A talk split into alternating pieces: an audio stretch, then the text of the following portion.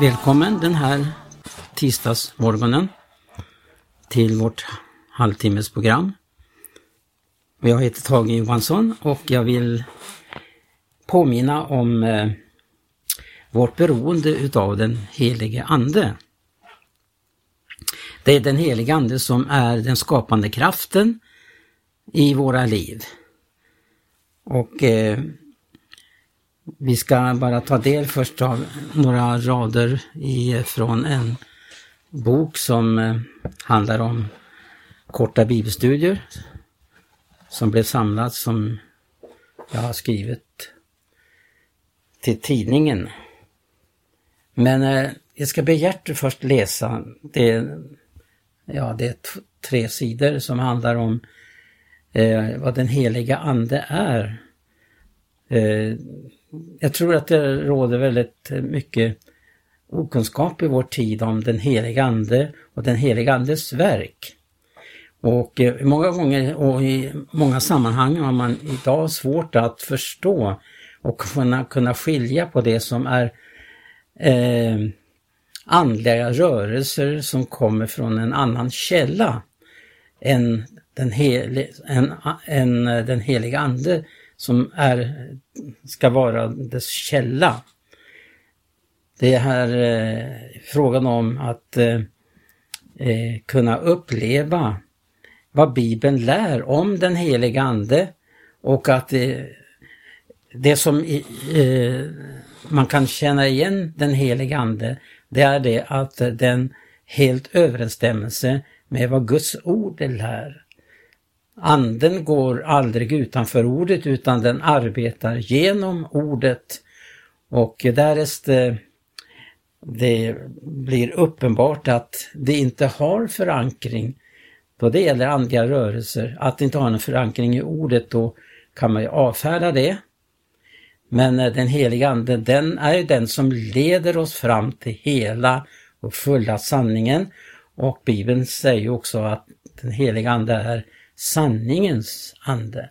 Man kan väl läsa först här. Jag ska be Gertrud läsa några sidor då från den, den här kapitlet eller stycket som heter eh, vad, vad, vi bör, vad Bibeln lär om den helige Ande. Ja, du kan läsa de här sidorna. Ja, det står så här, Bibeln har ett stort och rikt innehåll i undervisningen om den helige Ande. I detta korta bibelstudium kan vi endast få med några ting om vad skriften lär oss om Anden. Den helige Andes personlighet. För det första får vi bland annat veta av Johannes evangeliet att pronomenet han används om den helige Ande. Det säger oss alltså att Anden är en person, det vill säga en person i treenigheten. Dessutom tillskrivs anden personliga egenskaper såsom vishet och förstånd, vilja, känsla och handlingar. I fråga om vishet och förstånd så står det han ska lära er allt, bland annat i Johannes 14. Och vilja, där står det allt efter sin vilja. Och i Korint, första Korinthierbrevet och Apostlagärningarna står det att de hindrades av anden att förkunna ordet i provinsen Asien. Guds ande har också känsla. Vi uppmanas i Efesebrevet 4 att inte bedröva Guds helige ande. Och så står det den helige andes stora uppgift i tiden. Den helige Andes stora uppgift i tiden med tanke på människan är att skapa och förmedla liv. Den verkställer Guds befallningar. I begynnelsen svävade Guds ande över vattnet för att vara den skapande kraften, för att det Gud sade skulle bli till. Därför är det viktigt för oss om vi ska lära känna Andens verk i ett djupare perspektiv att han aldrig går utanför det skrivna ordet men verkar genom ordet. Gud sade och det blev. När apostlarna gick ut och predikade blev ordet stadfäst med åtföljande tecken. I första Korinthierbrevet 4 förmanar Paulus korintierna att komma till rätta med olika läromeningar genom att följa hans och Apollos exempel i att icke gå utöver vad skriften säger. Det finns många andar som är i verksamhet parallellt med Guds ande. Ett exempel är vad som skildras i Apostlagärningarna 16. Johannes skriver också i sitt första brev 4 att vi inte ska tro var och en ande, utan pröva om de är av Gud och att vi ska känna igen Guds ande genom sin bekännelse av det personifierade ordet i Kristus. Det ord som blev kött och tog sin boning ibland oss. Vår relation till anden. Andens verk i den enskilda människan är inte bara begränsad till att vi har blivit födda av anden, men genom andens dop kan en möjlighet öppnas för oss så att hela vårt liv kan komma att stå i samklang med den helige ande. Vi ser av skriften att Jesus och apostlarna begynte sin verksamhet när anden kom över dem. I Hesekiel skildrar profeten för oss vägen in i andens rika liv. Går vi vidare här, det som anden med svartsjuk kärlek trängtar efter enligt Jakobs brev 4, så kommer han att föra oss ut på djupare vatten där vi förlorar kontakten med det fasta elementet, får släppa oss till helt och fullt och odelat, förlora greppet om oss själva och den egna viljan. Då profeten kom så långt att han förlorade fotfästet kunde han inte längre behålla bestämmande rätten över sig själv. Här känner vi igen oss i Jesu budskap till människorna om att lämna allt och följa honom, som för många blev en stötesten. Man gick bedrövad bort från honom som den rike ynglingen gjorde, som det står om i Lukas evangeliet 18. Vårt beroende av Anden.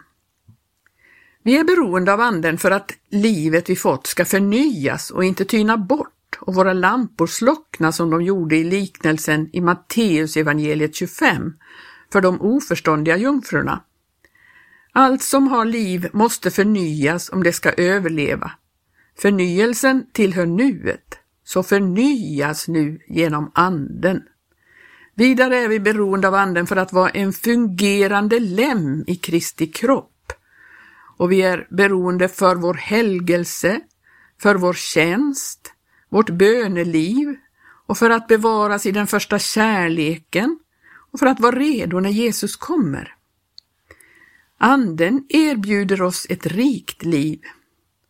Att få vandra i anden, dricka av anden, tala i tungor och prisa Gud i anden, bli utsänd av anden, få tilltal av anden och få gåvor genom anden och ledas och undervisas av anden i fullkomligt och sjufaldigt mått. Den helige Ande är Guds sju andar som står inför hans tron i sjufaldigt och fullkomligt mått. Han är visdomens ande, uppenbarelsens ande, kunskapens ande, kraftens ande, sanningens ande, hugsvalelsens ande och kärlekens ande. Ja, eh, det var några ord eh, som eh, jag har skrivit då som påminner oss om den heliga Ande, vad Bibeln lär om denna person i gudomen. Eh, jag nämnde tidigare här att den heliga Ande arbetar genom ordet. Och eh, det var ju så här att när Jesus eh, undervisade sina lärjungar så eh, var han angelägen om att de skulle få Guds ord med sig. Och han säger också, eller han beder att jag har givit dem ditt ord, beder han till sin fader. Jag har givit dem ditt ord. Det var en viktig del i Jesu verksamhet. Att ge dem ordet. Eh, för att eh, de skulle sen uppleva när de blev fyllda av den helige Ande så skulle den heliga Ande verkställa det ord som de hade mottagit av Jesus. De hade alltså det, de hade ordet som material för det, den kommande uppgift som de fick. Jag har många gånger återvänt till ett uttryck egentligen som handlar bara om två ord. I Apostlagärningarna, det första kapitlet och åttonde vers. Och det är två ord som egentligen eh, har ett sånt stort innehåll med tanke på uppgiften som väntade lärjungarna. Eh, uppdraget de fick att gå ut i hela världen med evangelium, det skulle först kunna förverkligas när den heliga Ande kom över dem. Uppdraget de fick av Jesus skulle förverkligas och då står det så här eh, Apostlagärningarna 1.8 Men när?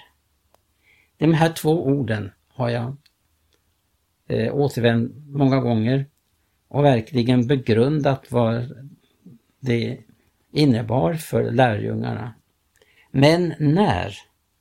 Alltså när tiden var inne och de skulle få uppleva dop i den heliga Ande, då skulle de få uppleva att det de var kallade till skulle kunna förverkligas just därför att och genom att den heliga Ande kom över dem. Jag kan ju läsa hela versen, det står så här. Men när den heliga Ande kommer över eder skall ni få kraft att bli mina vittnen, både i Jerusalem och i hela Judeen, Samarien och sedan in till jordens ända. Det var stort uppdrag, men genom den heliga Ande så skulle det kunna förverkligas. Jag ska som ett exempel på eh, vad Jesu undervisning kunde innebära för de som Jesus talade till när han var här nere på jorden. Så kan man ju förundra sig över hans undervisning och hur den skulle kunna bli möjlig att kunna uppfyllas hos var och en som bekände sig till, till honom, till Jesus. Jag ska faktiskt läsa, nu läser jag då från 1917 års översättning i Lukas, eh, det sjätte kapitlet och från vers 27 fram till vers 36.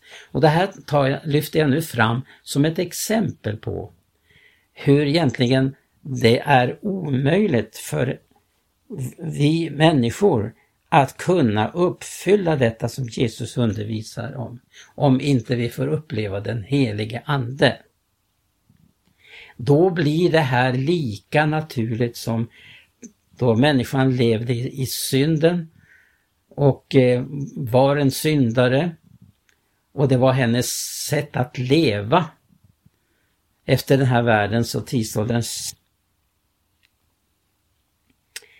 Så lika naturligt som det var att göra syndens gärningar då människan är en syndare utan att ha blivit född på nytt. Lika eh, enkelt och naturligt är det för den pånyttfödda människan som upplever den heliga Ande att få göra det Jesus undervisade om. Hans eh, mission var ju inte bara det att han skulle undervisa utan som han säger att den som hör och gör, ja vem han är lik det, det undervisade han om, vad det betyder att också vara inte bara ordets hörare men också dess görare. Nu läser jag det här sammanhanget och som ett exempel på hur omöjligt det är att uppfylla detta utan att uppleva den heliga Andes kraft därtill. För att det är frågan om att det som Jesus undervisade om och som verkade fullständigt omöjligt för den naturliga människan.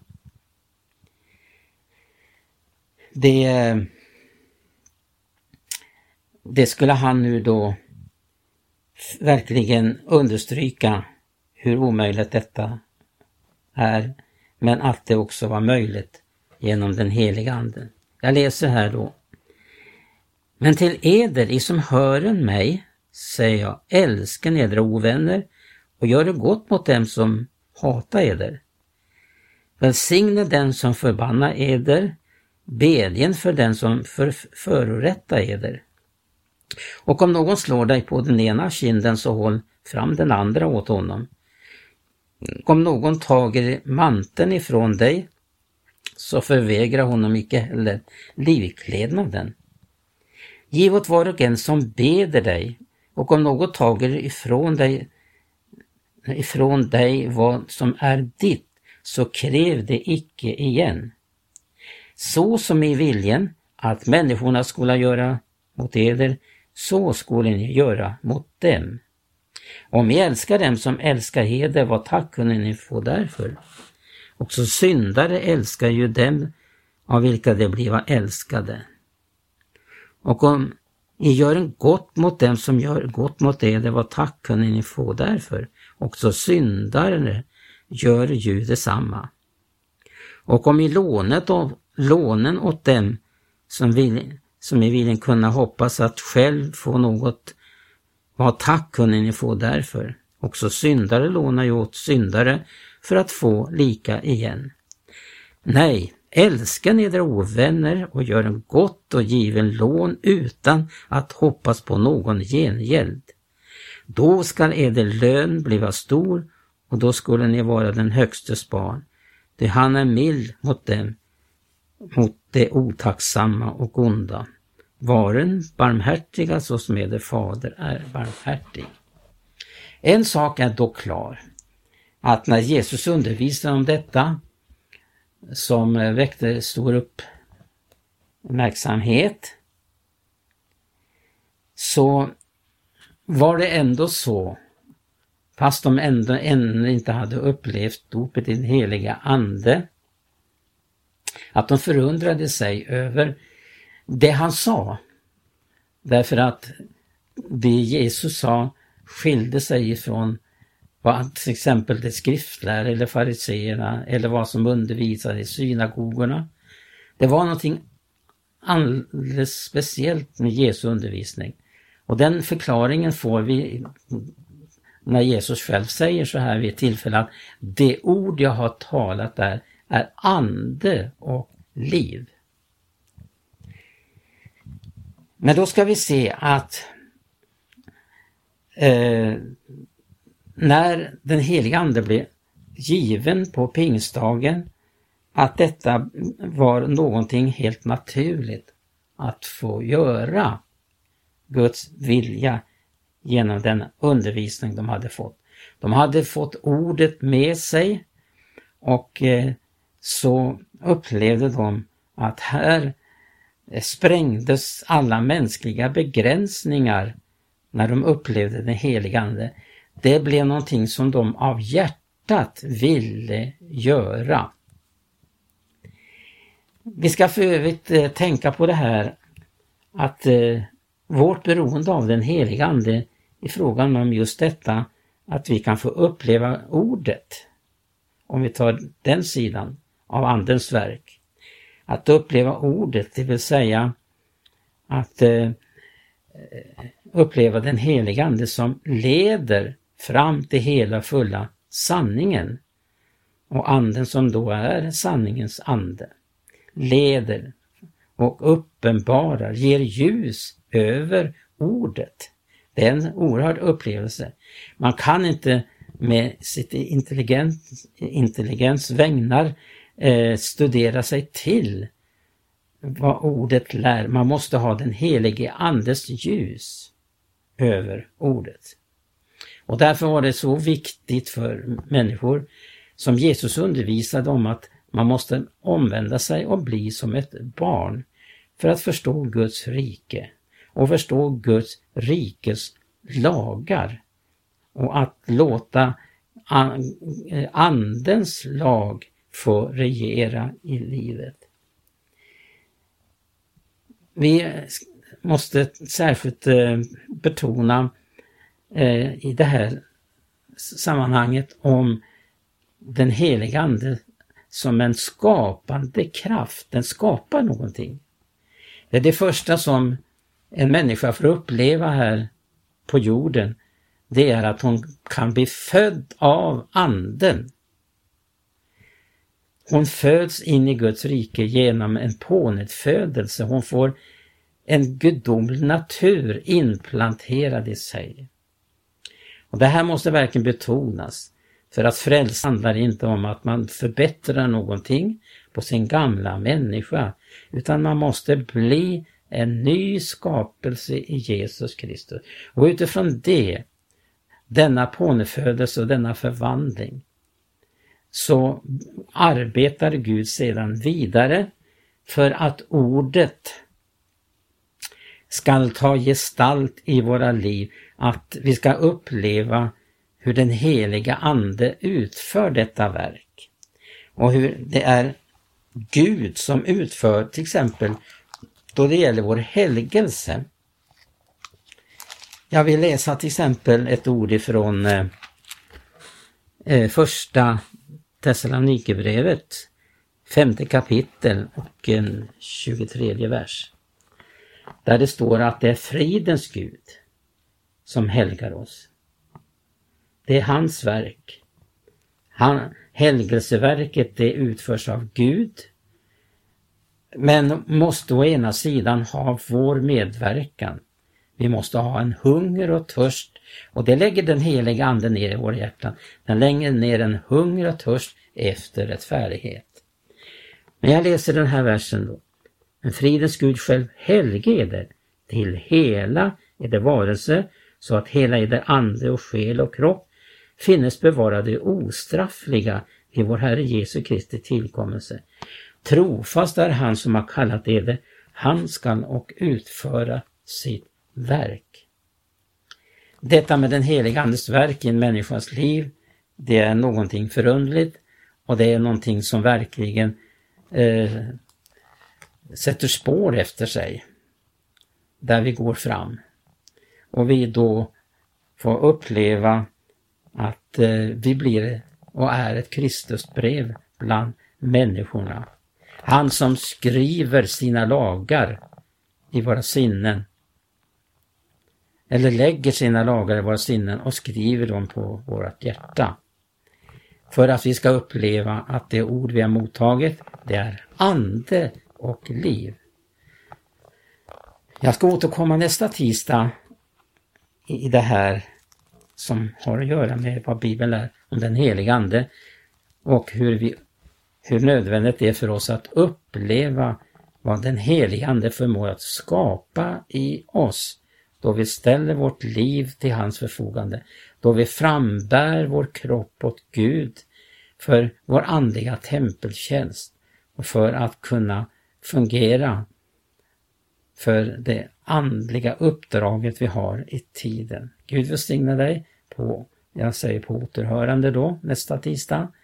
Och vi fortsätter då med den här undervisningen om Andens skapande kraft. Herre, se, väntar alla att du